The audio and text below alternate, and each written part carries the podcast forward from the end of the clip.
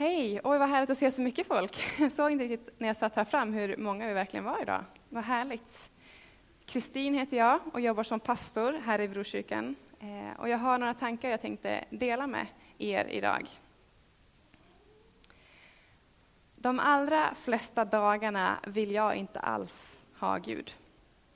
Jag vill ha en högre allsmäktig makt som ordnar omständigheterna så att de passar mig. Det är en bekännelse som jag nyligen läste. Och jag hajade till, för de här orden kom från en person som jag upplever sätter Gud i centrum av sitt liv. De flesta dagar vill jag inte alls ha Gud. Vadå, tänkte jag.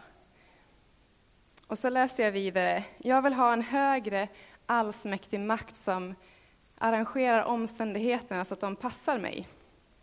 Och det sjönk in lite mer, det jag läste. Det är ärliga ord. Ärliga ord som blottar den som uttalar de här orden.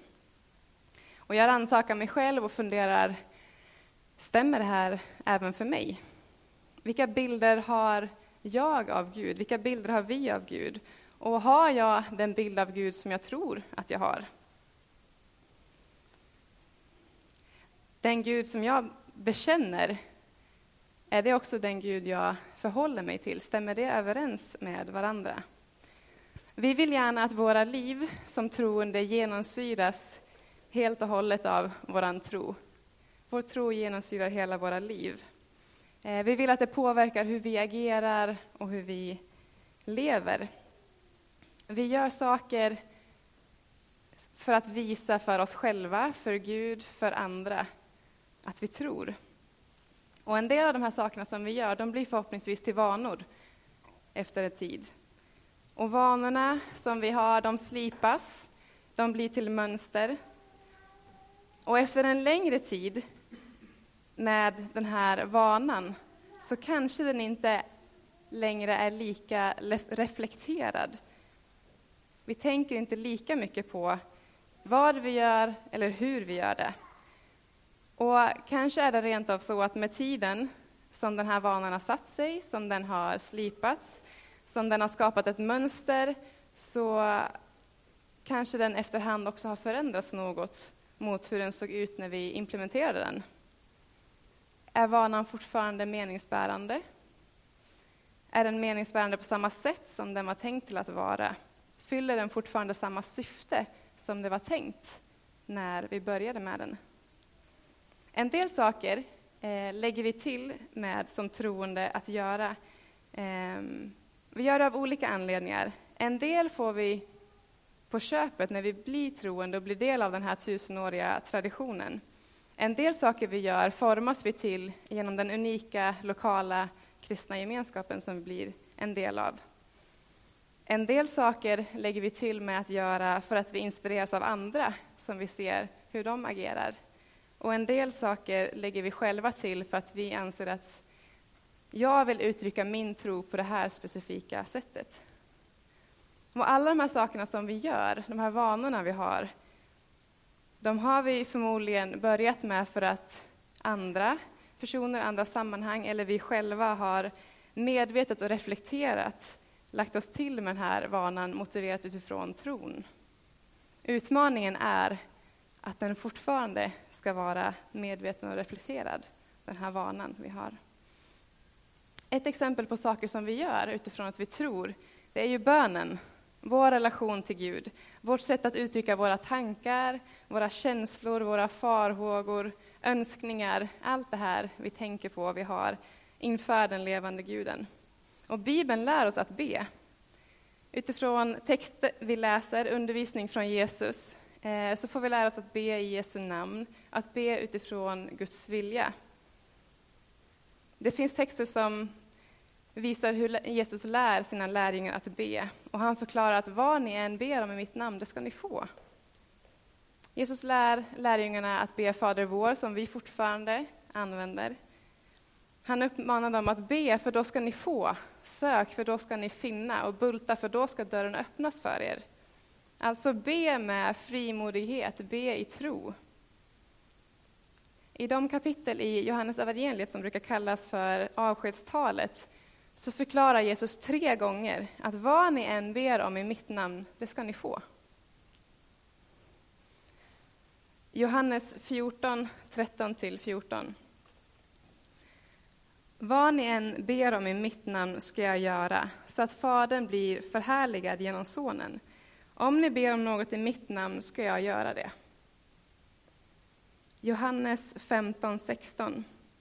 Ni har inte utvalt mig, utan jag har utvalt er och bestämt er till att gå ut i världen och bära frukt, frukt som består. Och då ska Fadern ge er vad ni än ber om i mitt namn.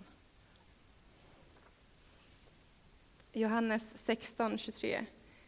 Den dagen, den dagen kommer ni inte att fråga mig om någonting. Sannerligen, jag säger er, vad ni ber om, ber Fadern om i mitt namn, det ska han ge er. Be i Jesu namn.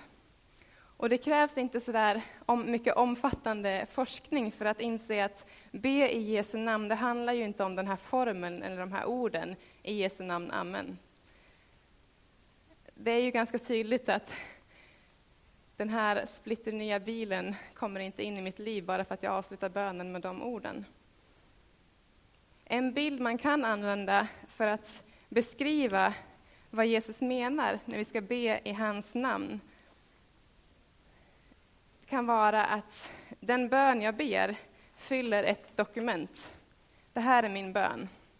Och här längst ner finns en tom rad och under den raden står det Jesus Kristus. Ett dokument som ska signeras. Och är det så att Jesus kan signera det här dokumentet, att han kan ställa upp på det som står här, att det är enligt med hans vilja, men då är det en bön i Jesu namn. En bild som kan förklara vad det innebär att be i Jesu namn. Så finns det ännu mer att säga om det. Eh, men det gör det tydligt att det handlar inte om en formel att avsluta sin bön med. Att be i Jesu namn handlar om att be i takt med Jesu hjärtslag. Jag har själv i bön yttrat de här orden, tack Jesus att du ska, och så vidare. Jag har använt den formuleringen och jag har hört för att jag har hört andra använda den och jag tänkte att ja, men det handlar ju om att be i tro. Att eh, det vidare den här tanken på att tacka för någonting som man inte ser än. Men det ska ju komma. Vi får tro att det ska komma. Och de tankarna går i, på något vis i linje med vår tro, att hoppas på någonting som inte finns, som inte syns än. Hoppas på något som inte syns ännu. Men jag tror att, liksom andra vanor kan bli tömda på sitt reflekterade innehåll, så kan också vårt bönespråk bli det.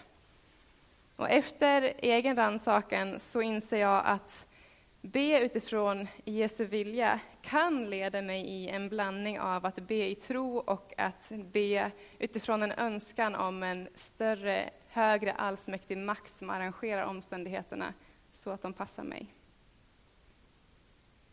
Kan jag i min bön tillskriva Jesus hans vilja genom att be tack Jesus att du ska? Ber jag taktiskt i förhoppningen om att få Gud att tänka att ja men just det, det är ju det som är min vilja. Finns det en risk att jag låser fast mina tankar om vad som är Guds vilja genom att formulera mig på ett sådant sätt? Eller kan jag fortfarande vara helt öppen inför situationen och lita på att Guds sätt att svara på bönen är det bästa? Är jag lika tacksam för det bönesvar som kommer, även om det inte sker på det sätt jag har tänkt? Det är klart att vi ska be i tro, och det är klart att vi ska tro att Gud vill agera. Och i och med att Gud också har gett oss nådegåvorna, och däribland profetians gåva, så tror jag också att vi på något sätt kan be i förvissning om något. Men när formuleringarna blir en vana, när tankegångarna blir en vana, finns det då en risk att vår gudsbild också förändras så sakteliga. Och förändras också då vår bekännelse. I avskedstalet så beskriver Jesus att vi ska få ta emot sanningens ande. Sanningens ande som vi redan känner, skriver han. Den är kvar hos oss och den kommer vara i oss. Sanningens ande vittnar om vem Gud är. Sanningens ande hjälper oss med tilliten att lita på att Gud är den han säger att han är och att han gör det han säger att han ska göra. Profeten Jeremia har uttalat i Jeremia 29.11. Jag vet vilka avsikter jag har med er, säger Herren, välgång, inte olycka. Jag ska ge er en framtid och ett hopp. När ni åkallar mig och ber till mig ska jag lyssna på er. När ni söker mig ska ni finna mig. Ja, om ni helhjärtat söker efter mig ska jag låta er finna mig, säger Herren. Bekännelsen, de flesta dagar vill jag inte alls ha Gud. Jag vill ha en högre allsmäktig makt som ordnar omständigheter så de passar mig. Formulerades inte av mig personligen. Men när jag läste den och lät den sjunka in så fick den också bli en del av min bekännelse. Och det manade mig till att göra min gudsbild fri från de här lagren som jag har lagt på den. Det manade mig till att förnya och fördjupa min egen bekännelse och mitt eget erkännande av det sanna behovet av den osensurerade levande guden i mitt liv. Önskan om att ha en högre allsmäktig makt som ordnar omständigheter som passar mig, det hänger ihop med en grumlig bild av vem Gud är. Om sanningens ande är den som får forma vår gudsbild, så kan inte en allsmäktig godisautomat konkurrera ut den verkliga bilden av den levande guden. Hur förhåller vi oss till den här bekännelsen om den här allsmäktiga godisautomaten? Hur ser min gudsbild ut? Och vad är det som har format min gudsbild? Står min bekännelse av Gud och mitt förhållningssätt till Gud i samklang med varandra? Jag vet nog inget annat sätt att formulera min bild av Gud än med orden Gud är större. Guds vägar är större. Jesaja 55, 8-9. Mina planer är inte era planer och era vägar är inte mina vägar, säger Herren. Liksom himlen är högt över jorden, så är mina vägar högt över era vägar, mina planer högt över era planer. Hans vilja är godare, hans rättfärdighet är nådefullare. Mina planer och min vilja kan inte mäta sig mot hans godhet. Utmaningen för mig, det är att, att korrigera mitt förhållningssätt till Gud så att det står i samklang med vem jag bekänner att han är. Vi ber tillsammans. Himmelske Far, tack för den kärlek som du har till oss. Tack för den godhet som du fortsätter att ständigt visa oss. Tack för den nåden vi får ta emot när vi får tillhöra dig, att vi ständigt får komma till dig. Och sanningens ande, vi ber om hjälp att inte frestas av att skapa fördunklade bilder av vem Gud är, i förhoppning om att de skulle gynna oss bättre. Tack Gud för att din vilja för oss är fullkomlig. Och hjälp oss att ha tillit till dig och den godhet du har för oss. Hjälp oss att lita på att dina vägar, som är högre än våra vägar, i sanning är det bästa för oss. Far, hjälp oss att våga erkänna och leva ut vårt behov av dig i våra liv. Ha nåd med oss, fånga oss de gånger vi faller och förlåt oss de gånger som vi misströstar. Tack för att du tar emot oss så som vi är och hjälp oss att se dig så som du är.